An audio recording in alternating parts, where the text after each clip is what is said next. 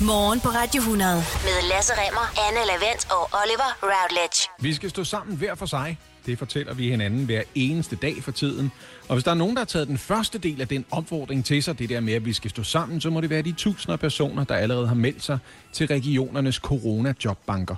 Ja, og det er altså øh, jobbanker specielt oprettet i den her ekstraordinære situation, hvor man kan melde sig som en slags reservearbejdskraft, hvis man har en sundhedsfaglig uddannelse. Ja, og en af dem, der har gjort det, det er dig, Anissa Madvig. Godmorgen. Godmorgen. Du er oprindeligt uddannet sygeplejerske, men arbejder i dag i øh, det private hos Dansk Sundhedssikring. Og øh, først og fremmest, hvorfor har du meldt dig til den her corona-jobbank? Du har jo øh, et andet job nu.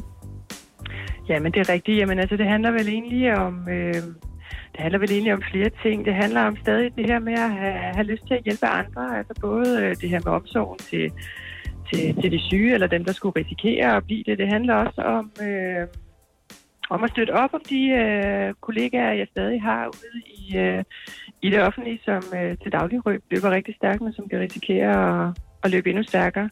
Og så handler det i høj grad også om, øh, om opbakning. Øh, dels opbakning fra, fra familie øh, til at gå ud og, og hjælpe, hvis der skulle blive brug for det. Og, og så handler det i høj grad også om opbakning fra for mig, øh, altså i den her situation, min, min arbejdsgiver. Øh, vi sidder fem, 65 øh, sygeplejersker inde os og har ledelsens opbakning til alle sammen at gå ud og hjælpe, hvis, øh, hvis der skulle blive brug for det. Så der er også noget fællesskab i det.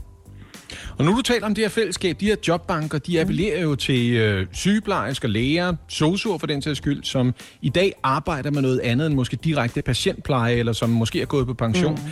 Der er tusinder, der ligesom dig har meldt sig øh, til de her nødjobbanker. H- hvad er det, du tror øh, gør, at, at der er så mange af jer, der så hurtigt har været øh, forbi regionerne og sige, at I er klar, hvis der bliver brug for jer? Jamen, det, det handler om det her med øh, Øh, jamen, den uddannelse, vi alle sammen har i forhold til det her med omsorg til de syge, og, og det kan lyde lidt øh, klichéagtigt og kaldt, kald, men, men det er noget, der, der fylder rigtig meget, og vi har alle sammen været øh, i større eller mindre grad ude i den offentlige, hvor, øh, hvor de i forvejen løber rigtig stærkt, og jeg tror, det her det kalder bare på det fællesskab, at, at vi ligesom løfter øh, i fælles flok, øh, hvis, hvis der skulle blive brug øh, for det. Og Anita Madvig, de seneste tal viser jo, at der øh, lige nu er 232 personer indlagt på grund af covid-19, og det tal, det stiger jo desværre dagligt. Kan du prøve at sætte os ind i, mm. hvad er det for en situation, landets hospitaler, hospitaler og ikke mindst dine øh, tidligere kolleger er i lige nu? Jamen altså lige nu er der, øh, så vidt jeg kan forstå, øh, stor forskel på dels, hvor man, øh, altså, hvor man befinder sig i landet, og i forhold til, hvor travlt er de forskellige steder. Men generelt så gælder det jo, at man prøver ligesom at, at opruste og gøre sig klar til det her. Man uddanner det personale, der er derude, øh, til øh, at kunne, altså at de er flere, der kan, der kan varetage de, de mest øh, kritisk syge patienter, altså intensivpatienterne. Og så indkalder de os andre efterhånden, som, øh, som de får brug øh, for det. Så det handler rigtig meget om at få, få planlagt og, og gjort klar, så vi står stærkest, hvis der skulle blive brug for det. Anita Madvig, du sidder jo ligesom os andre, gætter jeg på, at følge patientudviklingen for øjeblikket. Mm. Tror du så, der bliver brug for din arbejdskraft på sygehusene?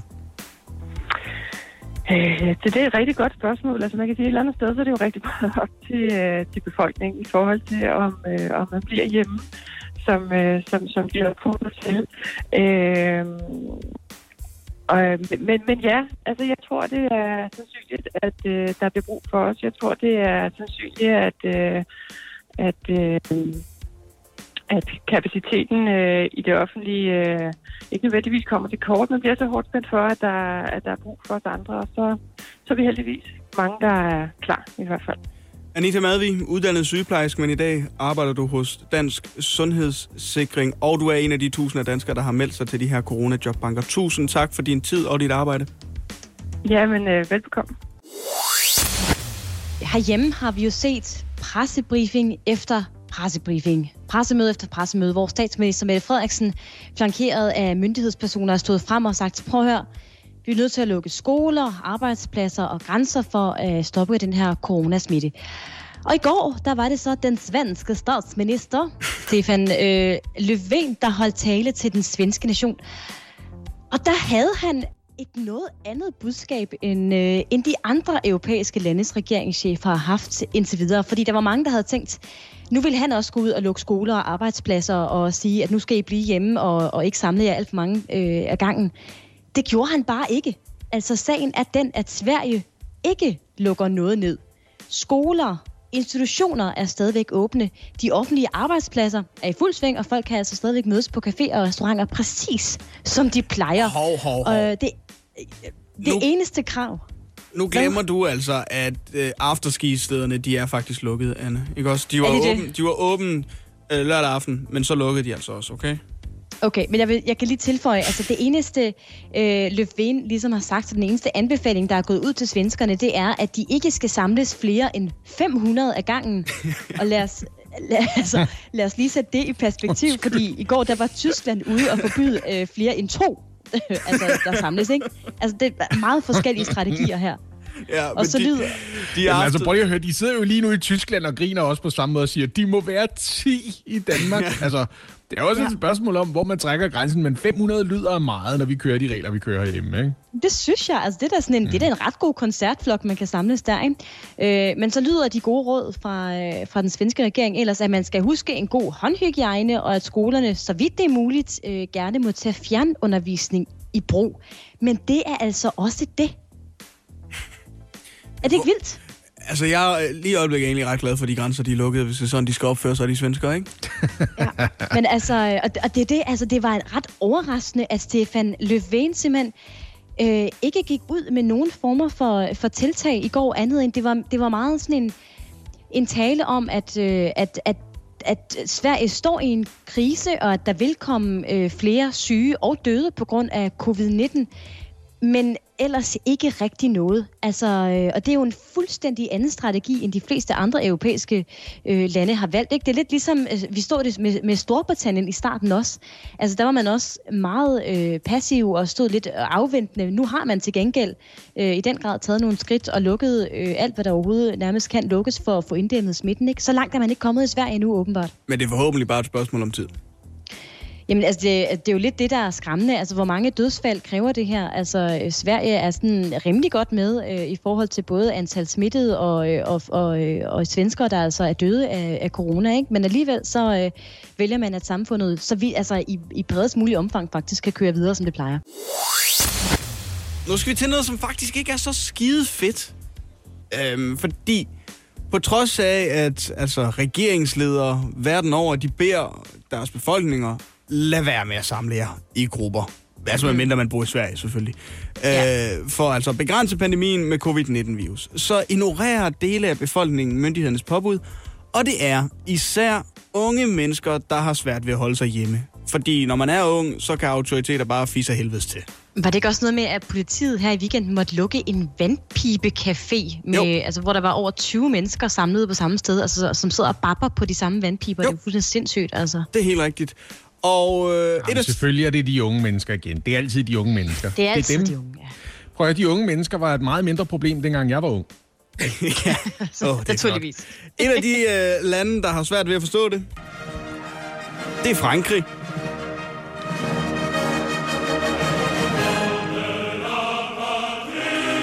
Fordi efter at, efter at øh, folk i Frankrig i dagvis har undladt øh, at følge myndighedernes henstillinger om at blive hjemme, så har landet altså sat sikkerhedsstyrker ind på blandt andet banegård, altså for at forhindre folk i at tage ud af byen til deres sommerhuse. Fordi så vil det bringe virusen ud i landområder og til kyster, hvor sygehuse er dårligere rustet. Okay. Ja. Ja. Så er der mange markeder i Frankrig, der er lukket. Og i Paris-forstaden Clichy-sous-Bois, der har en borger øh, bidt en øh, betjent, fordi han forsøgte at få folk til at overholde reglerne. Åh, oh, nej. Stay classy, France. Oh, altså, Så er det ja. også i øh, USA, at det kniver med at forstå alvoren, når øh, myndighederne forbyder folk at forsamles. Jeg ved ikke, om I kan huske, at vi øh, i sidste uge hørte lidt og talte lidt om den her fantastiske spring break-tradition, der er i USA. Jo.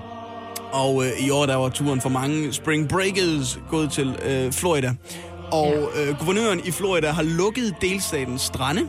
Det har de altså efter de her medier, de kunne rapportere, at der var mange vilde fester i det her spring break. Mm. Så er det bare sket det, at øh, selvom stranden er lukket, så er der nogle forretningsdrivende, der har forsøgt øh, at trække turister til.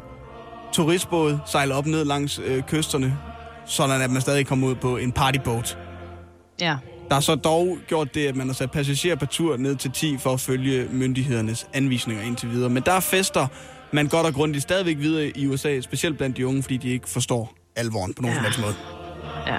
Øhm, Men altså, det, det, det er jo det, det samme som, at hvis man øh, kørte rundt i sådan en partybus herhjemme og siger, vi er jo kun 10, der fester i samme partybus. Ja, det er lige præcis nøjagtigt. Det skal man ikke gøre. Det er dumt. Så er den også øh, gal i Australien det er for... Hvad, hvad er det, du laver med alle de nationalmelodier? Det er da så, vi kan forstå, hvor vi er henne. I Australien, der er man simpelthen også lukket, altså den populære strand i Sydney, der hedder Bondi Beach. Øh, der var ungdomsfester igen, hvor der var mere end 500 mennesker samlet i Australien, så det fatter heller ikke lige, hvad der foregår dernede, de unge i øh, Australien. Men det havde jo til gengæld været helt okay i Sverige, skal vi lige huske på. Ja, hvis der var 499 til de her ungdomsfester, så havde det været okay. Ja. Det var jo det, man gjorde på afterskibarne i Sverige, da man stadigvæk havde dem åbent. Der havde- lukkede man Ja. bare 499 personer ind, og så var det egentlig okay, hvad det var, man havde gang i. Men Bondi Men er det, er det, lukket. det, det, det er også sådan, det altid er i Sverige i øvrigt, ikke? Med Stefan Löfven. Altså, han har aldrig set en folkemængde, han synes var for stor. Nej. Er mit indtryk.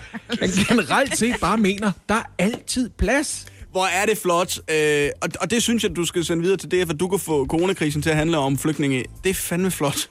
Jeg, vil, jeg prøver at høre, øh, jeg er Radio 100's nationen. du er så... Nå, men prøv at høre, vi kan altså heller ikke øh, fri os for det her i Europa.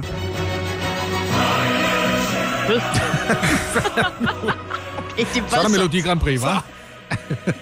Øh, I Sydtyskland, der er der unge mennesker, der hoster i retning af ældre mennesker. Man råber corona for sjov, og der er utrolig mange grupper af mennesker, der samles. Prøv at forestille dig at hoste efter ældre mennesker, og så bare råbe, corona! Altså, er det, noget, er det noget, folk de gør med vilje, siger du? Ja, Nej. jo jo, jo jo, Hvor jo, jo. sindssygt. Øh, I Spanien, som der altså har det næste højeste antal af smittede i Europa, kun overgået af Italien, der patruljerer øh, myndighederne i helikopter for at få overblik over, hvor folk de samles og får dem til at bryde op. Og så er der også i, mange, hvis man kan ses fra en helikopter, ikke? præcis, og selv i Italien, altså der har, har myndighederne stadigvæk kæmpet med at holde folk indendør, fordi man har lyst til at besøge venner og familie. Altså, Ja, hvis I ikke fatter det i Italien, det er jo fuldstændig sindssygt. det er fuldt. Men altså, vi, vi, skal, vi skal også lige være enige om, at langt de fleste overholder de her regler. Jeg så et fint videoklip hvor man øh, fra Ramblagen, altså den store turistgågade i Barcelona, hvor der gik vildsvin rundt. Fordi de simpelthen er kommet ned fra bjergene. De har opdaget, at der ikke er nogen mennesker i gaderne længere. Så vi har også lige fået lidt et billede af, hvad ville der ske, hvis, hvis mennesker bare forsvandt fra jordkloden fra Ja, ja, det er rigtigt til andet, ikke? Jeg læste også øh, en lille opdatering fra politiet her i weekenden, der jo har gjort meget ud af, øh, altså hvis vi kigger på vores, øh, vores egen øh, lille land, gjort meget ud af at sige, på at selvom solen skinner, bliv nu hjemme. Og der læste jeg faktisk, at øh, alle lands mul- politikredse meldte til Ekstrabladet, at der faktisk var god ro og orden. Altså folk i, i høj grad fulgte myndighedernes anvisninger og blev hjemme. Der er selvfølgelig altså nogle undtagelser, men generelt set så opfører vi os faktisk godt. Ja, og det håber vi så, den øh, opfordring og at opføre sig ordentligt, vi gerne vil give videre. Både om du så er i Tyskland og hoster efter folk, om øh, du er i Australien og fester på en strand, om du er i USA eller fester på en strand, eller om du er i Frankrig, så bare opfør dig ordentligt og følg nu dine myndigheders rådgivning. Det du kender, det du vil vide. Morgen på Radio 100. Ja, og hvis du allerede nu er ved at få øh, grå hår af hjemmearbejdsdage og virtuelle køer for at komme ind på Aula, så er der dårligt nyt. I går eftermiddags kunne statsminister Mette Frederiksen nemlig sige sådan her. Velkommen til pressemødet her i statsministeriet igen. Ja, og når hun siger sådan, så ved de fleste af os, at der er nye tiltag i vente i kampen mod corona. Og i går var altså ingen undtagelse. Statsministeren valgte nemlig at forlænge lukningen af daginstitutioner, skoler, offentlige arbejdspladser, restauranter, frisører, diskoteker osv. osv. med to uger, eller med andre ord til efter påske. Jeg ved, det er rigtig svært det her for rigtig mange mennesker, men det er afgørende, og vi har en tro på, at det nytter. Ja, det vil alt i alt sige, at samfundet tidligst kommer i omdrejninger igen tirsdag den 14. april. Og forlængelsen her skyldes ganske enkelt, at der kan gå to uger fra man bliver smittet til man bliver syg.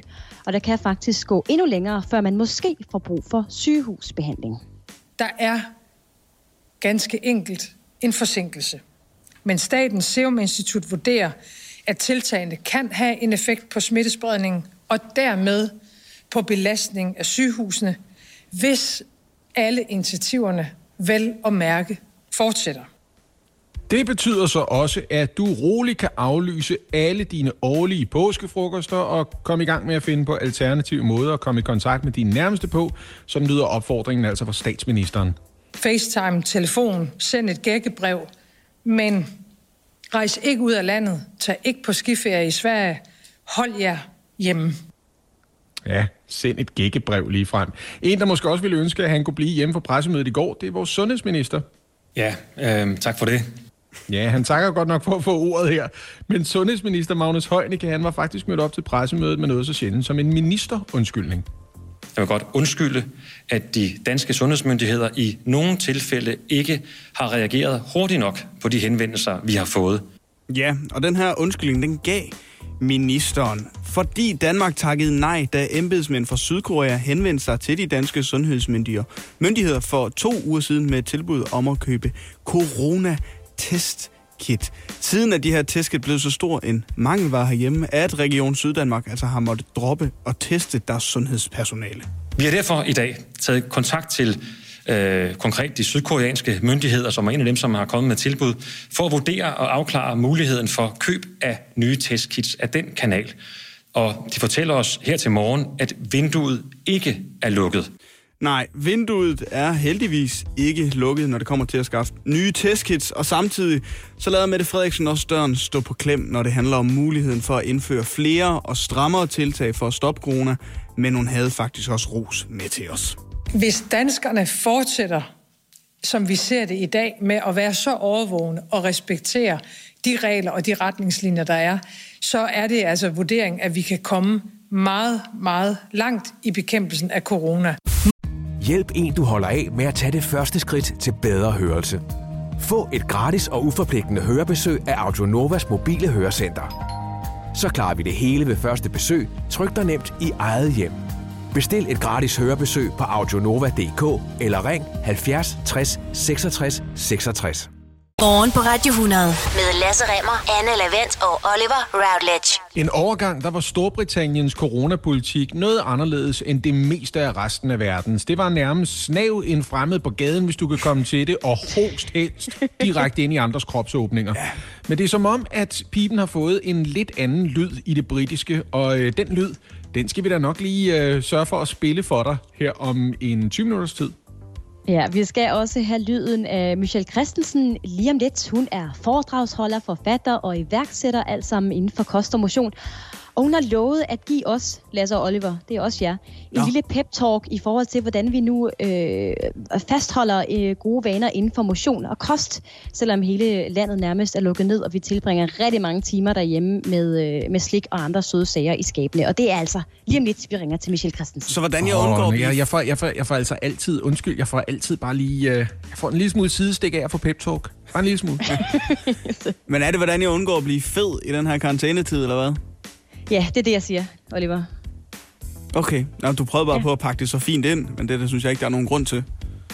Jamen altså, øh, jamen det ved jeg ikke. Jamen, jeg Var glæder det, mig. Var det for fint? Jeg får voksen skal ud lige om et øjeblik, kan jeg høre. Det er dejligt. Ja, ja, det er faktisk det, jeg siger. Vi talte også øh, lidt om det i går. Lysten til at gå i slikskabet, eller til lige at se, hvad der gemmer sig i køleskabet flere gange om dagen, er nok noget, rigtig mange kan genkende i de her uger, hvor vi tilbringer så meget tid derhjemme. Ikke også, Lasse og Oliver? Og det er kun blevet en lille smule værre for mit vedkommende, og i de her, de her uger, hvor sportsklubber og fitnesscentre jo er blevet lukket land, så har vi været nødt til at ringe efter hjælp for at få øh, lidt, øh, lidt motivation i form af en pep-talk. Godmorgen til dig, Michelle Christensen. Godmorgen med jer.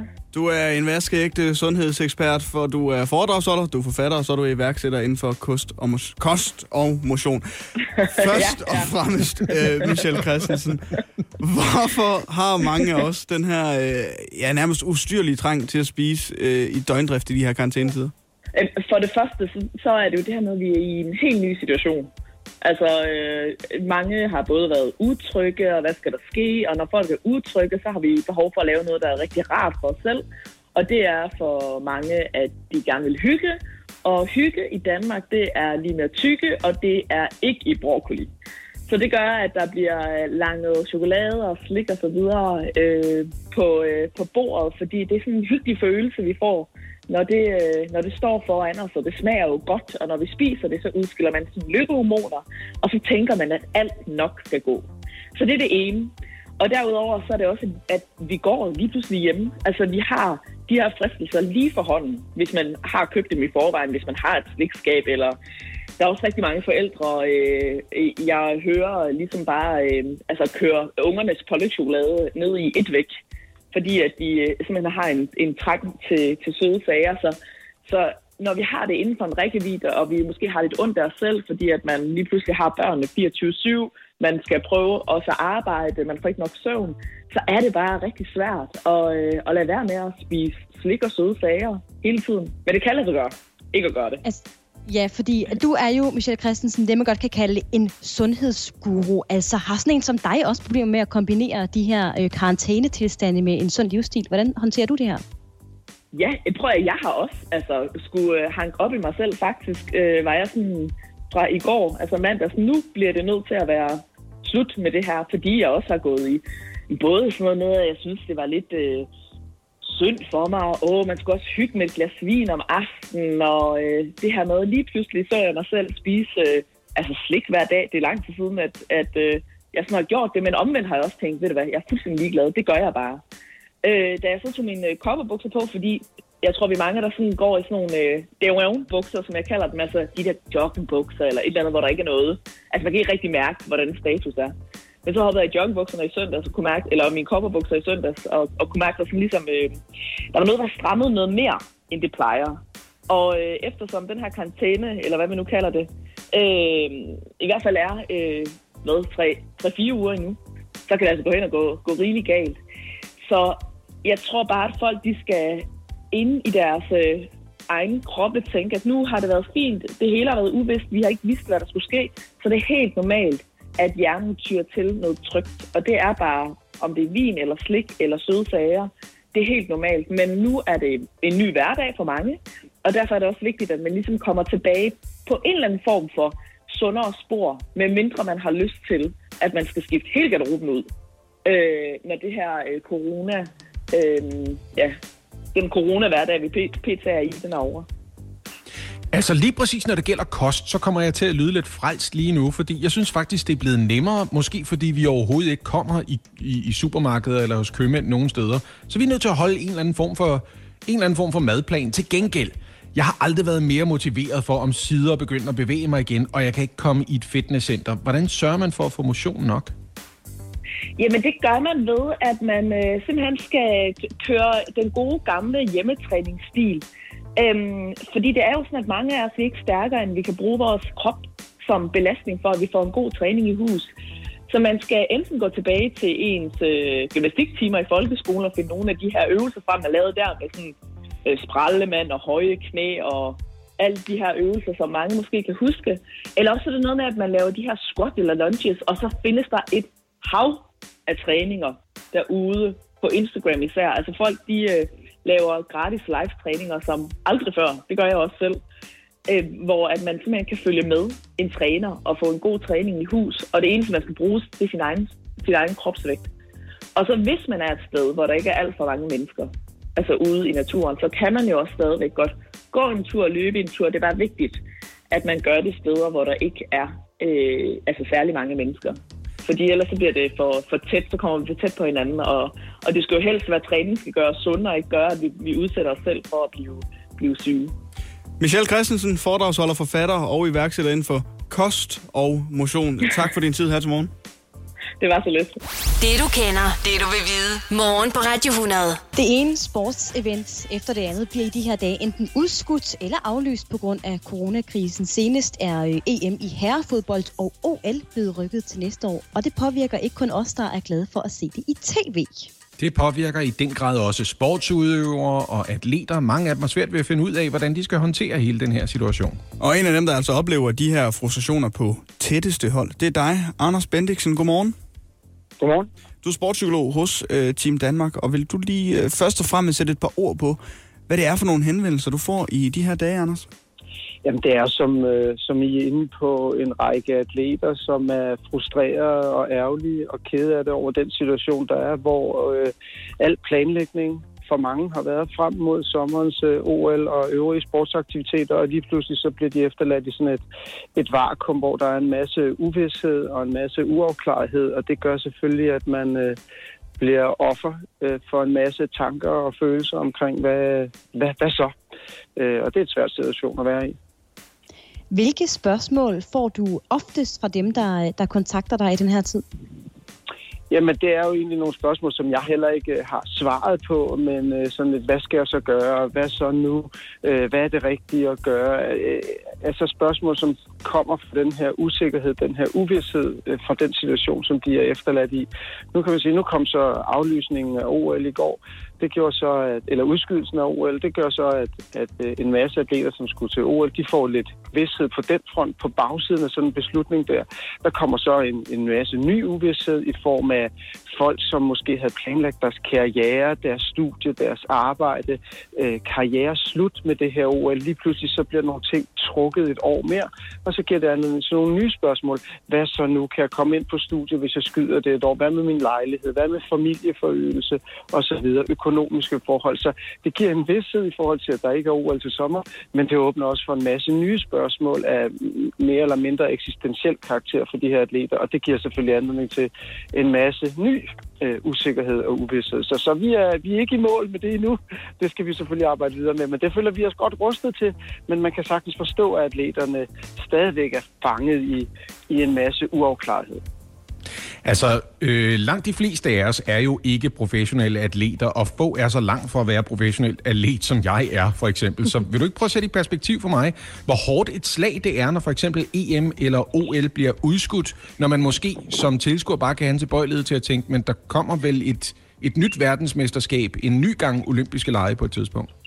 Jo, og jeg tror, at hvis jeg sådan skulle eksemplificere det en lille smule, så vil jeg hellere lade, lade det komme ud fra OL-eksemplet, fordi øh, EM i fodbold for eksempel, der vil de fleste af, af de atleter alle sammen, de vil tage tilbage til et relativt vellønnet job i en, i en klub et eller andet sted. Så der kan man sige, sådan, det, det, det økonomiske og det, det overlevelsesagtige, det, det finder måske mere sit, sit leje der, så det også kan være en svær beslutning for dem. Men vi har også en masse OL-atleter i for eksempel roning, sejlads, mindre øh, Øh, økonomiske sportsgren, hvor folk virkelig øh, lever fra, fra, fra, fra, fra måned til måned i forhold til noget økonomi, så er vi selvfølgelig en støtten, så der er noget sammenhæng i en lang OL-forberedelse. Men det, at, at OL forsvinder, det er altså en kæmpe, kæmpe, kæmpe ting for nogle af de her atleter, som de har arbejdet mod i måske 4, 8, 10, 12 år. Og lige pludselig så skulle kulminationen være nu til sommer, og så bliver det, så bliver det, så bliver det forandret. Og der kan vi så sige, jamen hvad betyder et år. Jo, men hvis man nu har været i gang i 10, 12, 15 år, så var det måske i 2020, det hele ligesom skulle, skulle kulminere, man skulle være færdig, og så kunne man bagefter hellige sig en, en civil karriere. Man var måske klar til at træde ind i ægteskab, familieforøgelse for dem, der, der vil have børn og så videre. Og lige pludselig så bliver der skubbet til det der. Så kan man fra sidelinjen igen gå tilbage og sige, Nå jamen herregud, hvad betyder et år? Jamen det betyder måske meget, hvis man har levet et liv, øh, hvor man har tilpasset hver eneste ting, og de offringer, der skal være hver eneste dag for at være eliteatlet i forhold til, hvordan man strukturerer og lever sit liv, som kan være meget spartanske perioder, og så lige pludselig, bang, så bliver der ændret på det. Og Anders Bendiksen, hvad gør du så som sportspsykolog hos Team Danmark? Altså, hvad råder du de her elitesportfolk til at gøre, når de ringer ind og, og er frustreret? Jamen altså, det, det lige øjeblikkeligt, der, øh, den, den usikkerhed, der var indtil i går, den har vi jo egentlig lyttet til, fordi vi har følt nøjagtigt det samme. Vi har også været uafklaret, vi har heller ikke vidst, hvad vi skulle gøre. Så egentlig er det at, at møde folk i det, de nu er. Altså, hvad er det for nogle tanker og følelser, som fylder mest? Og så, så lægge Øh, ører til det og, og hjælpe folk igennem det bedst muligt. Øh, fordi der er ikke altid et, et klart svar på det. Så man sige, den, den beslutning, der så bliver truffet i går om at udskyde OL, den giver egentlig anledning til, at til de øh, atleter, som lå i den, den svære forberedelse frem mod OL, det er sådan en relativt klar anbefaling, vi giver nu, eller kommer til at give nu, det er egentlig, tag det roligt nu, sidde, sidde corona-lockouten ud, og så tage eventuelt noget ferie nu. For der er ikke nogen grund til at ligge på, øh, hjemme på stuegulvet og prøve at forberede sig til et OL, som først bliver ført ud i livet om 10, 12, 14, 16 måneder, hvornår det nu bliver. Øh, der kan man måske sådan lidt benytte anledning til at, at, at tage lidt, lidt, lidt forårs påskeferie, øh, uagtet man ikke kan gå nogen steder. Og så, og, og så kan vi begynde at planlægge frem mod en ny OL-kampagne, når, når vi så får sat datoer på det. Ikke? Anders Bendiksen, du er øh, sportspsykolog hos Team Danmark. Tusind tak for din uh, tid her i morgen på Radio 100. Velkommen og godmorgen. Nærmest dagligt bliver vi mindet om, at vi lige nu står i en af de værste kriser i nyere tid. Og den her alvor, den er selvfølgelig for længst gået op for vores børn. Det mærker man hos det Nationale Sorgcenter. Børn, unge og sorg, som har oprettet en særlig telefonlinje lige præcis i den her tid. Ja, her der kan børn og unge ringe ind til en række psykologer, som altså sidder klar til at besvare spørgsmål om og bekymringer om netop coronavirus. Ja, godmorgen til dig, Preben Engelbrecht. Ja, godmorgen. Du er direktør for det Nationale Sorgcenter. Og først og fremmest, altså den her corona-hotline for børn og unge har været åben i ja, små to uger efterhånden. Kan du sige noget om, hvem det er, der ringer ind til den? Mm. Jamen, det er blandt andet børn og unge, som øh, i forvejen øh, har syge forældre, og som er bange for, at forældrene kan komme til at dø af, af corona, kan blive endnu mere syge. Det er også børn og unge, som øh, går med tanker om, jamen hvis nu forældrene dør af corona, så kan man jo ikke komme til at tage afsked med dem. Det er børn og unge, som øh, også tidligere har mistet forældre eller andre nærstående, og som nu bliver bange for at miste andre, for eksempel bedsteforældre eller den anden forældre. Det er også børn og unge, som i forvejen var det, man vel kan kalde sårbare, øh, gik rundt med en angst, øh, havde diagnoser osv., og som ikke længere har nogen struktur i deres øh, hverdag. Øh, så der overtager angsten simpelthen øh, livet, så de nærmest ikke kan, kan fungere. Og så er det også øh, børn og unge, som jo er bekymrede for fremtiden, øh, bekymrede for forældrenes øh, økonomi. Kan man overhovedet blive boende? Børn og unge, som selv er bange for at blive syge. Og så har vi faktisk også en del forældre, som ringer ind og som har brug for råd og vejledning i forhold til, hvordan de bedst muligt taler med deres børn omkring deres angst. Og det kan vi jo lige vende tilbage til, men når vi snakker om de børn og unge, som ringer ind til jer, så det er jo kæmpe store bekymringer, du skitterer lige her. Hvad kan I så gøre for at hjælpe dem? Jamen det, man kan sige, vores, øh, vores psykologer gør, som vi jo forvejen er vant til at tale med børn og unge omkring sygdom og død, det er jo præcis at gå meget ind i deres bekymring. Ikke skubbe bekymringen væk. Gør bekymringen sådan meget øh, konkret. Øh, så alene det at få lov til at tale om, hvad det er, man går er så bange for. Og så handler det jo så også om at, øh, at hjælpe børnene og de unge med at også give dem man kan, ligesom nogle handlingsmuligheder, øh, så de også selv begynder at få noget kontrol med den her angst. Altså, hvad kan de også øh, selv gøre? Hjælpe dem til også at få talt med deres forældre øh, omkring nogle af de ting, som de, de går rundt med. Og det vi i hvert fald kan se, det er, at mange, rigtig mange af dem føler sig utrolig lettet efter, øh, efter samtalen. Altså, Preben Engelbrek, du kan selvfølgelig ikke sige noget generelt om, hvordan børn og unge i Danmark har det under den her coronakrise, men hvad er det for følelser, de sidder med, når de ringer ind til jer? Jamen det er jo, at øh, man kan sige, at verden er blevet rigtig farlig at, at leve i. Øh, så der er ikke, hvad kan man overhovedet regne med øh, længere? Det er jo meget dramatisk, når skoler bliver lukket, øh, når grænser bliver lukket øh, med videre, og de mærker jo i høj grad også forældrenes bekymring. Øh, nu går de jo også meget hjem sammen med forældrene, fordi de fleste af os jo arbejder hjemme. Så, så forældrenes bekymring begynder også at smitte, og også den med, at, øh, at, det, at det fylder så meget i medierne, øh, begynder faktisk også at, øh, at, at fylde for meget hos mange af de her børn. Og så er der, og især når man taler omkring børn, så er der jo også mange ord, de, de slet ikke kender til. Altså værnemidler, øh, karantæne osv. Så, videre. så, øh, så, det, så det gør dem faktisk også, øh, også, også utrygge. Nu var du lidt inde på her, Preben Albrecht, at forældres bekymring også godt kan smitte af på, øh, på børnene. Kan du give øh, her til sidst et godt råd til, hvordan man som forældre bedst muligt beroliger øh, ja, sine børn i den her tid? Det vi kan høre, det er, at fra børnene, det er, at rigtig mange øh, forældre siger til deres børn, at det skal I ikke bekymre jer om. Og, og der går man altså lidt galt i byen, for det er utrolig vigtigt, at man, går, man faktisk får uddybet sine børns bekymringer, øh, så børnene konkretiserer, hvad er det, de går og er så øh, bange for, at man har nogle samtaler omkring det. Og så kan man jo, når man så går ind og taler med dem omkring det, så kan man jo også hjælpe dem med noget faktuel viden. Fordi mange børn mangler også noget faktuel viden på det her felt. Øh, og, og der kan det også hjælpe, at forældrene faktisk fortæller omkring nogle, nogle faktuelle ting. Og så er mit råd efterhånden også, at jeg tror, vi også skal til at holde pause for corona. Så der også bliver lukket lidt ned for, for både de sociale medier øh, med videre, så forældrene også holder øh, noget pause der. Så kommer det simpelthen til at fylde for mig, også hos børnene. Det er altså 69 16 16 67. Telefonen åben hver dag mellem 9 og 16 hos det Nationale Sorgcenter. Tusind tak skal du have, Preben Engelbrecht. Jeg siger også tak. Morgen på Radio 100 med Lasse Remmer, Anne Lavendt og Oliver Routledge. Med pressemøder og tv-talere er vi ikke længere i tvivl om, hvad politikere, myndigheder eller regenten for den sags skyld mener og tænker om corona. Men hvad mener danskerne egentlig? Ja, to forskere er lige blevet færdige med at undersøge danskernes syn på virusen og vores forventninger til, hvordan den udvikler sig. Over 1000 danskere har svaret på en lang række spørgsmål om corona. Den ene af de to forskere hedder Asmus Let Olsen. Han er Ph.D. i statskundskab. Han er med os lige nu. Godmorgen. Godmorgen, godmorgen. Asmus Let Olsen, hvad er den mest bemærkelsesværdige ting, I har fundet ud af? Ja, jeg, jeg vil nok sige, at, at hvis vi spørger danskerne om, hvor alvorlig er den her coronaepidemi mod Danmark, øh, hvor, hvor alvorlig truslen det er, så er det nok ret øh, opsigtsvækkende, at når folk har 11 forskellige svarmuligheder, så vælger 40% magtkategorien og siger, at det er den mest alvorlige trussel i deres levetid. Og hvad der måske er endnu mere overraskende omkring det, det er, at det er i høj grad de gamle mennesker, mennesker over 60, der siger det. Og det er jo interessant, fordi at øh, uden at jeg skal gøre mig selv til ekspert i gerontologi og alder, så kan man sige, at ældre mennesker har haft større mulighed for at opleve mere i deres liv. Men alligevel synes jeg lige præcis, at den her trussel er den, er den største i deres liv.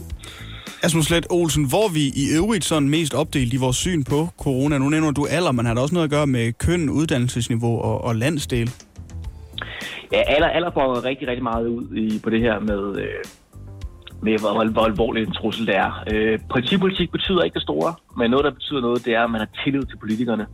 Hvis man har tillid til danske politikere, synes man, at truslen er alvorlig. Har man mindre tillid, jamen så synes man, det er lidt mindre alvorligt. Men det så sagt, synes alle, det er ret alvorligt det her. Så der er meget, meget få, der ligger i den lave ende af skalaen. I den øh, måske lidt mere morbide ende, altså hvor voldsomt forventer danskerne, at Danmark bliver ramt, når det for eksempel gælder dødsfald under coronakrisen? Ja, altså det, det kan jo lyde, det her kan lyde som et meget makabert og kontroversielt spørgsmål, men en anden måde at spørge på, det er jo, i stedet for at spørge om, hvor alvorligt synes du noget er på en eller anden lidt abstrakt skala, kan vi jo spørge folk, hvor mange tror du kommer til at dø af corona eller covid-19 øh, i, øh, i 2020 i Danmark? Og øh, nu, nu bliver det lidt teknisk, men, men man kan ikke helt tale med i gennemsnit, fordi folk, der er så også nogen, der svarer nogle, nogle vanvittige høje tal. Men de har fået mulighed for at svare fra 0 til, til maks antallet af mennesker, der bor i Danmark. Det er det makabre element i det her spørgsmål. Og, øh, og mediangættet, det vil sige det midterste gæt, øh, er på 500 dødsfald. Den nuværende øh, strategi, Asmus Lad Olsen, den koster jo øh, mange milliarder af kroner. Hvad mener vi øh, danskere egentlig om, hvor meget det må koste at, at redde sådan et menneskeliv? Ja, det har vi jo prøvet at spørge om. Det er jo lidt svært, og vi ved jo, at der er rigtig meget af det, der hedder social ønskværdighed i sådan her spørgeskemaer. Folk vil også gerne repræsentere sig selv som en behagelig person. Så det er et svært spørgsmål at spørge til det her med, skal vi redde, skal vi redde økonomi eller menneskeliv? Og jeg er ikke engang selv sikkert faglig på, at det trade-off eksisterer. Fordi hvis nu er en masse mennesker dø, og hospitalet brændt sammen, så det er ikke øh, sikkert, at det er godt for vores økonomi. Men når vi spørger danskerne om det, og siger til dem, skal vi A, enten minimere antallet dødsfald, øh, ligegyldigt hvad det koster, eller B, måske gå lidt ned på ambitionerne på, hvor mange vi skal redde for at, at sikre en bedre økonomi, jamen så er, er flest altså enige med A. Vi skal altså minimere dødsfald uanset pris. Cirka 50 procent. 30 procent er enige i det andet udsagn. Resten af danskerne, de her 20, cirka 20 procent, de er sådan lidt delt midt imellem. Nu sagde du, at 40 procent af de adspurgte har erklæret, at det her det er med, med øh, den maksimale vurdering overhovedet, øh, mm-hmm. den værste krise, de har oplevet i løbet af deres levetid. Kan sådan en undersøgelse som den her være påvirket af, at vi står midt i krisen lige nu, og måske er mere tilbøjelige til at synes, den er særlig overvældende, mens den står på? Ja, det synes jeg er et ret godt, ret godt spørgsmål, Lasse. Det, det, tror jeg, det tror jeg, det er. Og det er måske også lidt det, når jeg snakker med andre journalister om det her. De spørger, hvad med klima? Hvad med X, Y, Z? Og, og det er jo måske en svaghed ved, ved, ved første runde, vi har kørt her. Jeg skal sige, at vi kører flere runder, så vi kan nå at, og, og prøve at bede folk om at, at sammenligne. Men, men det er rigtigt, det, det, det er ekstremt påvirket af, at vi står, vi står midt i det, og, øh, og det er jo ikke sikkert, at folk vil svare på den samme måde om et år. Var den her coronaepidemi så rent faktisk den største trussel mod Danmark i din levetid? Og noget af det kunne være interessant, og det er noget, jeg tror, der foregår i data, det er jo, at vi kan se, at de unge synes ikke, det er en særlig stor trussel. Der er kun 30 procent af de unge, der svarer max, mens det er altså 60 procent af, de, af dem over 60 år. Og det kan jo være, at de unge tænker, ja, hør, hør, hør venner, hvad, hvad med klima, hvad med alle de andre ting? Det må det være en større trussel, og det kan godt være, at det er en stor trussel, som kun har et par år tilbage på den jord. Men vi andre skal være her måske en 50 år. Vi har så andre trusler inde på nethinden. Så der er oplagt, at, at truslens umiddelbare øh, hed lige nu betyder enormt meget for de resultater. Det kan være spændende at spørge folk igen om et år. Lad os øh, ringe tilbage igen om et år, hvis vi må det, Asmus øh, det og høre, øh, hvad ikke folk de svarer til den tid. Ja, det er godt. Yes. Du er øh, Ph.D. i øh, statskundskab, og du skal have tusind tak for at gøre os øh, lidt klogere på din øh, undersøgelse Ja, her det til. Det du kender, det du vil vide. Morgen på Radio 100. Jeg var øh, ude i går, Lasse og Oliver, og, og gå en tur med nogle øh, veninder og drikke en lille, en lille en i Søndermarken, som er sådan et, et grønt område øh, her i København. Og Hov, hov, hov, øh, vent, vent, vent, vent. Hvor mange veninder? Mm-hmm. Ja, og, og det er det. Vi var fire veninder, Lasse Remmer. Så Nå, det må okay. man faktisk gerne. Kunne I ikke mødes øh, over Skype eller et eller andet i stedet for? Ja, jamen, det har vi gjort, og jeg tror, vi alle sammen har lidt brug for at få noget luft og rent faktisk se hinanden øh, fysisk. Men altså, vi holdt afstand, og vi krammede ikke eller noget som helst. Så det, det, vi, øh, jeg synes egentlig, vi var ret gode til at, til at huske på, at vi lever i en coronatid. Ikke? Hmm. Men min pointe er, at vi var fire. Det må man gerne, fordi det er jo sådan, at regeringen har forbudt forsamlinger på flere end 10 personer. Eller har den? Fordi der er en øh, ny hastelov på vej, som faktisk skal gøre det muligt at forbyde forsamlinger på, og hold nu fast, flere end to personer. Præcis ligesom i Tyskland. Øhm, det betyder ikke, selvom man nu indfører den her hastelov, hvor man altså gør det forbudt at mødes flere end to personer, det betyder ikke, at den også træder i kraft herhjemme. Det er simpelthen bare sådan, at regeringen gerne vil sikre, at politiet har de øh, rette værktøjer, inden det bliver påske, hvor Folketinget jo holder lukket, og derfor ikke kan gennemføre ny lovgivning. Så det er sådan en slags, hvis vi nu får brug for den lovgivning, Undskyld så er man lige sikret. Holder de stadigvæk lukket i den situation, som landet står i, også hvis det står i nøjagtig samme situation i påsken? I hvert fald, når det handler om at gennemføre en ny lovgivning. Jeg er ret sikker på, at man kommer til at arbejde rigtig hårdt i, øh, på de forskellige øh, ressortområder dog. Fordi det er simpelthen bare Øh. tradition, og det gør man allerede. Ja, jeg Undskyld tænker sådan, mig. der er også... Okay. Altså, hele landet er jo lukket ned i påske, så, øh, så ja. Men altså, jeg, jeg tror roligt, regne med, at der stadigvæk vil være øh, pressebrifinger og ting og sager. Der, det holder jeg ikke lukket med det. Men prøv at høre, det er sådan en slags... Hvis vi nu får brug for den lovgivning, øh, det er dog ikke sikkert, at den træder i kraft. Det håber jeg personligt ikke, den gør. Men altså, lad os nu se. En anden lov, der øh, efter at dømme træder i kraft, det er en lov, som øger straffen for såkaldt coronakriminalitet. Det sagde justitsminister Nick Hækkerup på et pressemøde i går. Regeringen foreslår, at der indsættes en ny bestemmelse i straffeloven om forhøjelse af straffen til det dobbelte for blandt andet tyveri, indbrudstyveri, bedrageri, hvis forbrydelserne begås med baggrund i eller i sammenhæng med coronaepidemien i Danmark. Ja, det som øh, vores justitsminister øh, siger her, det er egentlig bare, at øh, de, som udnytter det her virusudbrud til at begå tyveri, indbrud, bedrageri eller andre ting i den retning, nu skal straffes dobbelt så hårdt, som de ellers ville være blevet. Og øh, ved andre overtrædelser af loven kan der faktisk være tale om mere end en fordobling. Og det er jo øh, desværre nødvendigt, fordi man blandt andet har set tyveri af værnemidler, øh, blandt andet for hospitalerne, det vil sige håndsprit og masker. Mm. Og, øh, og det var en forbrydelse, som med den tidligere lovgivning ville have givet bødestraf, men når den nye, den her nye hastelov træder i kraft, så bliver det altså fængsel i stedet for. Hold da op. Ja, det er ret drastisk. Øhm, desuden vil der også være øh, hårdere straf på vej til de virksomheder, som misbruger regeringens hjælpepakker. Hvis de øh, eksempelvis snyder og beder om at få støtte, som de ikke er berettiget til, så kan de altså blive straffet, hold nu fast, fire gange så hårdt, som øh, de bliver i dag. Det er en Så der justitsminister, er- der er ude med altså, den helt store snor her. Ja, det må man sige. Der er virkelig øh, stramninger på vej her, men øh, og man, og man Men kan jo altså- sige... Jeg, Ja, men, må jeg ikke sige, hvis det her det skal virke, så kræver det jo også, at man ikke strammer reglerne for, hvor frit vi andre må bevæge os. Fordi ellers skal det være, at fængselsstraf virker sådan lidt som, nej, det er lidt bare hverdag, er det ikke det? for vi er alle sammen i fængsel. Jamen, jamen det er det, jeg mener. Det er jo det, det er ret vigtigt, at fængselsstraf stadigvæk virker som en trussel, og ikke bare som en, jamen, så kan du bo herover i stedet for. Ja. Ja, hvad med, hvad med det her? Hvad med det her Mm, rum? Vi er jo alle sammen i isolation alligevel, ikke? Det er det. Ja, det kan man sige. Men hvor her, øh, der bliver altså arbejdet benhårdt ind i Folketinget med at vedtage nye hastelovgivninger. Og den her, ikke i påsken, men hvor regeringen øh, fremsætter ændringen til loven her i dag og håber, at den kan blive øh, anden og tredje behandlet her i løbet af marts måned. Og så er planen, at den her nye hastelov skal træde i kraft den øh, 4. april.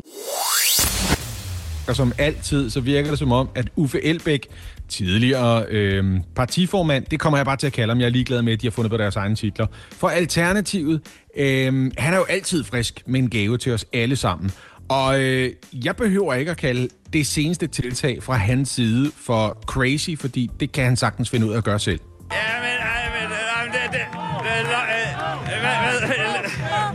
Var det crazy, det her, mand? Ja, altså efter et skuffende valgresultat, så valgte Uffe Elbæk jo øh, at trække sig øh, fra det parti, han selv har stiftet.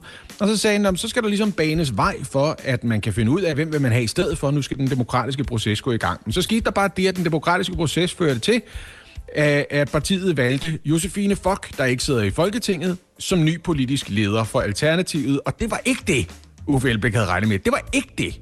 Det, der har han regnet med, at den demokratiske proces ville føre til noget andet. Han vil ikke gå ind og blande sig og sige, det synes jeg er en dårlig beslutning, baseret på mine personlige erfaringer med min øh, gamle gode ven og, og samarbejdspartner. Det bare viser, det synes jeg ville være en rigtig dårlig idé. Og det førte jo så til, at den 9. marts, der trak 80 procent af Folketingsgruppen for Alternativet så fra partiet. Det var Rasmus Nordqvist, Sikander Siddiq, øh, Susanne Simmer og Uffe Elbæk selv. Og det gør jo så, at Thorsten Geil, som er det eneste medlem af Folketinget for Alternativet i dag, han har utrolig nemt ved at overholde de der øh, restriktioner om, at man skal holde sig på afstand af andre mennesker i coronatiderne. Fordi Ja, han sidder, han er sidder helt, han sidder helt alene. Hele den der ting med, at man må ikke samles mere end 10 mennesker i gangen, der sidder Thorsten Geil og siger, nemt, lige for øjeblikket. Nå, hvad, hvad, hvad gør de så, de her fire afhopper? Ja, hvad har de gang i, de fire mennesker der? Jeg fortæller, hvad de ikke har gang i. De har ikke tænkt sig at lave et parti. Men de har tænkt sig at lave noget, som godt nok lyder meget som et parti. Nå, har de fundet ja. et navn til det her, der ikke skal være et parti, så? De kalder det for frie grønne stemmer. Ja da. Hvor ja, og er de det frie grønne, og de er jo frie på den måde, at de kan bare mene lige, hvad de har lyst til. Men så gør de så også det, at når de for eksempel sidder i udvalg rundt omkring, så repræsenterer de også de andre tre øh, i den her gruppe, som ikke er et parti. Jeg vil gerne understrege, det ikke er et parti. øh, når andre holder møder med en af dem, så har man de tre andres mandater i ryggen, men det er ikke et parti. Det skal jeg lige understrege. Juridisk er det ikke et parti, men det er en gruppe, men det er ikke et parti. Men det kan være, det bliver et parti, men det er det ikke. Og Hvad? det her, det er Uffe Elbæks egne ord.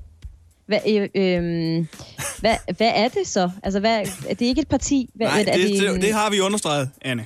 er det, hvad, er, det, er, det, er det en gruppe? Er det en bevægelse? Det er så vidunderligt. Øh, Uffe Elbæk beskriver det selv som ukendt territorium. der er ikke nogen, der ved, hvad det vil føre til det her. Holder de gruppemøder, ligesom almindelige partier gør? Det kan du eddermame stole på, de gør. Men er det parti? Det er det i hvert fald ikke. Kan det gå hen og blive et parti? Det kan det godt på et tidspunkt. Hvornår bliver det et parti? Det er der ikke nogen, der ved. Det er ukendt territorium, Anne. Ja, jamen det er... Og det, altså det afspejler jo også meget godt. Altså det er jo ikke en hemmelighed, at vi øh, har jo forsøgt at få Uffe Elbæk med i vores morgenprogram her, ikke? Mm. Øh, jeg skrev lidt mere med i går aftes og spurgte, hvad har du lyst til at fortælle om det her nye noget, du har, du har gang i? Mm. Og der var hans øh, svar, der er slet ikke nok at snakke om på nuværende tidspunkt. Jeg har ikke mere at sige lige nu. Jeg ved altså, simpelthen som- ikke, hvad det er, jeg har gang i, hvor groft sagt svaret, hvis vi skal ja, være det var ikke? også lidt det, jeg tænkte. Øh, ja. Men så sagde han til gengæld, at vi måtte gerne vende tilbage, når de havde lidt mere. Når de så, har en øh, politik for det parti, der ikke er et parti. Og, og det vil jeg lige sige, jeg er jo kæmpe fan af alle, der prøver at gentænke en proces. Jeg er tosset med reformpartier, uanset om de hedder Enhedslisten, eller Liberal Alliance, eller Alternativ. Jeg kan lide folk, der ryster posen hver eneste gang, der bliver råbt ned fra den politiske bingohal. Det her, det er så spændende på den måde, at selv de mennesker, der er involveret i den, de ved ikke rigtig, hvad de har gang i endnu. Hjælp en, du holder af med at tage det første skridt til bedre hørelse. Få et gratis og uforpligtende hørebesøg af Audionovas mobile hørecenter. Så klarer vi det hele ved første besøg, tryk dig nemt i eget hjem. Bestil et gratis hørebesøg på audionova.dk eller ring 70 60 66 66. Kernefamilie, regnbuefamilie eller selvvalgt familie. Uanset hvilken familie I er, gør ASE arbejdslivet lidt lettere. Få én fagforening for hele familien til kun 99 kroner om måneden. Og se den ekstra rabat, du kan få på ase.dk. Morgen på Radio 100 med Lasse Remmer, Anne Lavendt og Oliver Routledge. Hvor det... There is a lovely land. Yes. It stands with broad beech trees. Near salty Oliver. eastern shore, near Oliver, du skal lige holde op med det der nu, Oliver, fordi jeg har faktisk lige noget, jeg skal vende med jer. Mm. Det er jo sådan, at siden 2012, der har FN udgivet den rapport, der hedder World Happiness Report. Med det øh, formål at promovere lighed og tillid i verden. Man kan sige, øh, vi her i Danmark bruger den så mest til at sige, haha, se hvor godt vi har det. Fordi yeah. vi er øh, faktisk flere gange blevet kåret til verdens lykkeligste land. Der er ikke noget, der promoverer lighed og tillid, som at lave en rangordnet liste, hvor nogen klarer sig bedre end andre. Lige præcis. Det er i hvert fald åbenbart FN's overvejelser bag det her. Men prøv at høre, listen er øh, udkommet igen. Det gjorde den øh, i går. Og jeg har dårligt nyt, venner. Danmark er simpelthen ikke verdens lykkeligste land i år. What? Til gengæld, ja, jeg ved, det øh, kommer som et chok for mange. Vi øh, havner faktisk på præcis samme placering, som vi gjorde sidste år. Nemlig som nummer to på listen over verdens lykkeligste lande. Hmm. Ha, okay. Nej, hvordan har vi fejlet den her gang? Hvad er der sket? Øhm, det fremgår ikke direkte. Til gengæld fremgår det, at øh, det land, der åbenbart er mere lykkeligt end os, til hø, har jeg lyst til at sige, det er øh, Finland. Ja, Nå, klart. Gud. Klart, det er Finland. Den har jeg, da, jeg har faktisk lige helt tilfældigt den nationalmelodien for Finland liggende. Gud, det var da, nå. Ej, hvor heldigt. Our land, our fatherland, sound loud, oh name of worth. Jeg ved ikke, øh, hvad det er, men det er simpelthen, No mount that meets the heavens band. Oliver, det er simpelthen andet år i træk, at Finland topper listen som, øh, som verdens lykkeligste land. Til gengæld er Schweiz så på en øh, tredje plads, og herefter følger øh, flere af de skandinaviske lande, som generelt, altså år efter år, klarer sig ret godt, kan man sige. Ikke? Mm. Hvis man så skal kigge øh, nederst på listen, altså i den ikke så lykkelige ende af den her liste fra FN, der øh, finder vi øh, lande som Zimbabwe og Sydsudan og Afghanistan. Mm. Der er man ikke så Og glad. så der er man ikke så lykkelig i hvert fald, ikke som i, i de skandinaviske lande. Og så kan jeg lige tilføje, at det øh, mindst lykkelige europæiske land på den her liste er Ukraine, der ligger helt nede på en 123. plads. På trods af, at de har fået en skuespiller som præsident, eller hvad? Det er ikke nok for dem. Åbenbart ikke. Jeg ved ikke, om det stadigvæk er, er Rusland, der tynger dem lidt, men øh, helt så lykkelige er de i hvert fald ikke. Jeg ved ikke. Det, det, er jo en, det er jo en ond cirkel, det her, for jeg er kommet i helt dårlig humør af det her. Det kommer jo til at påvirke vores placering på listen næste år. Ja, det er ikke godt. Du skal se at blive et bedre humør. Jeg ved ikke, om vi skal lave en, en eller anden strategi. Altså, hvordan kommer vi op? Altså, hvordan overhaler vi Finland på den her liste? Det er noget med at installere flere saunaer. Mm. Er det det? Det er det, vi Ja, og mangler? begynde at producere nogle mobiltelefoner, der kan tåle, at man taber dem i toilettet. Ja. Ja, det er jo rent nok. Der halter vi måske en lille smule bagud, faktisk. Så lige så snart vi er ude af den her krise, vi befinder os i i øjeblikket, så er det det, vi går i gang med. Producere flere saunaer og lave nogle mobiltelefoner, der kan holde til det hele. Jamen, det er, det er måske en meget god plan, faktisk. Så svært var det heller ikke, vel? At finde ud af, hvad vi skulle.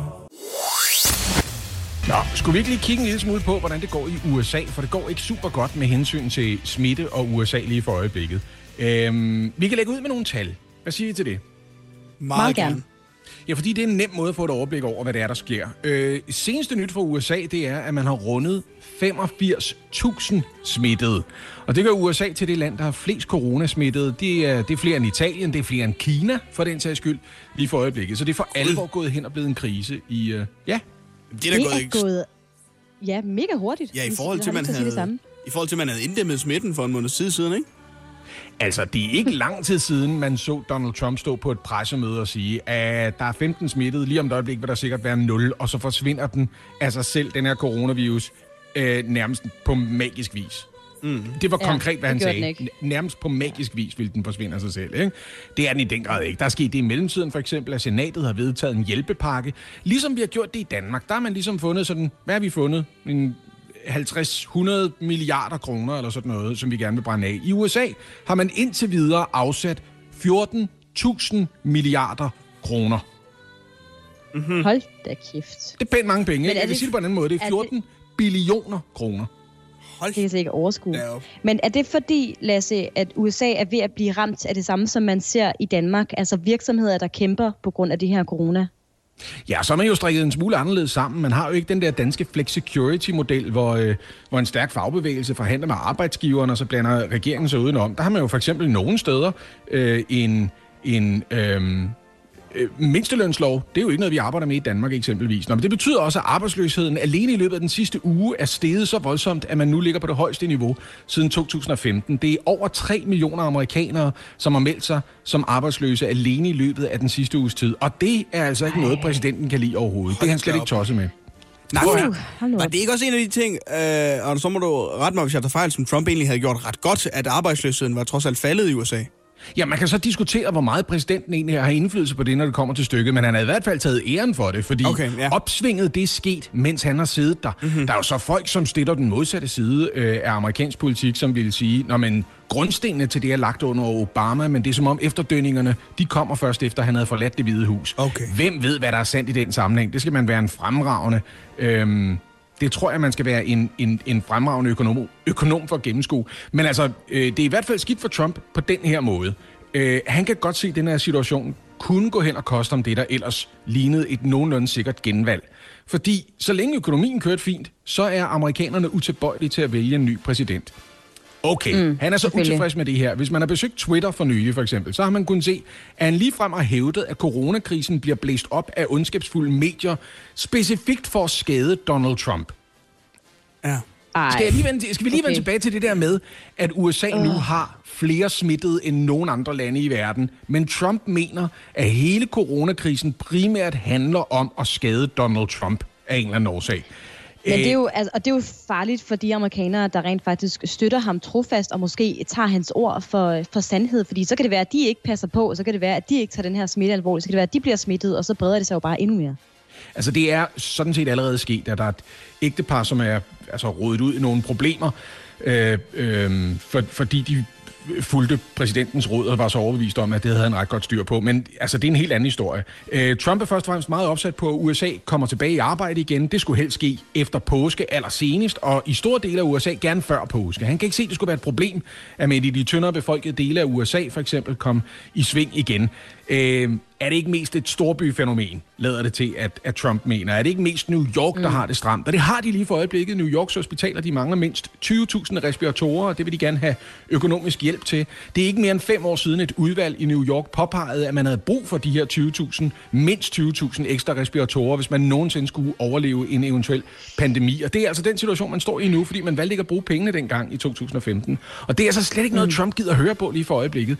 Han har decideret i et nyligt radiointerview siddet og sagt, "Øh, hvad er det for noget pjat med alle de respiratorer, som de siger, de mangler?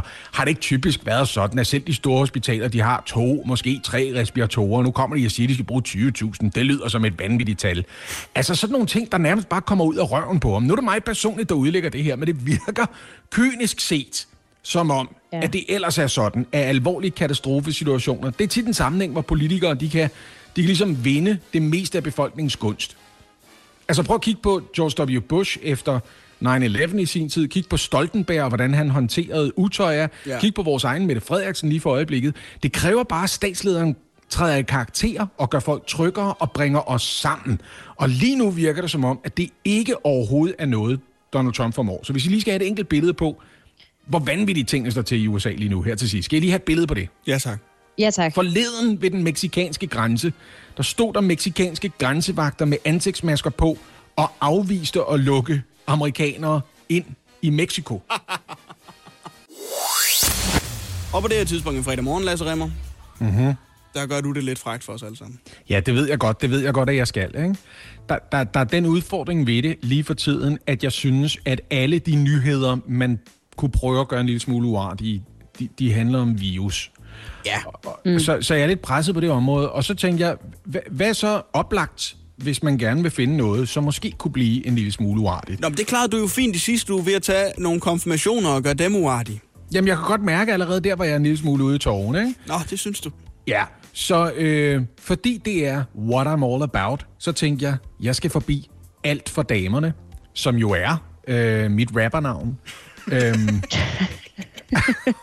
og så, Der er ikke mange, der ved tjekker- det, men det er det. Lasse, alt for damerne Remmer.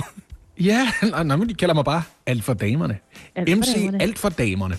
Øhm, jeg, jeg tænkte, at alt for damerne har nok en artikel eller to, der måske ikke har så meget med virus at gøre. Og så fandt jeg heldigvis en hel artikel, der handler om, du kunne godt tænke dig at begynde at strikke. Hvor- Hvordan kommer du i gang? Ja. Så, så nu bliver det det. Nu bliver, nu bliver det noget om at strikke. Okay?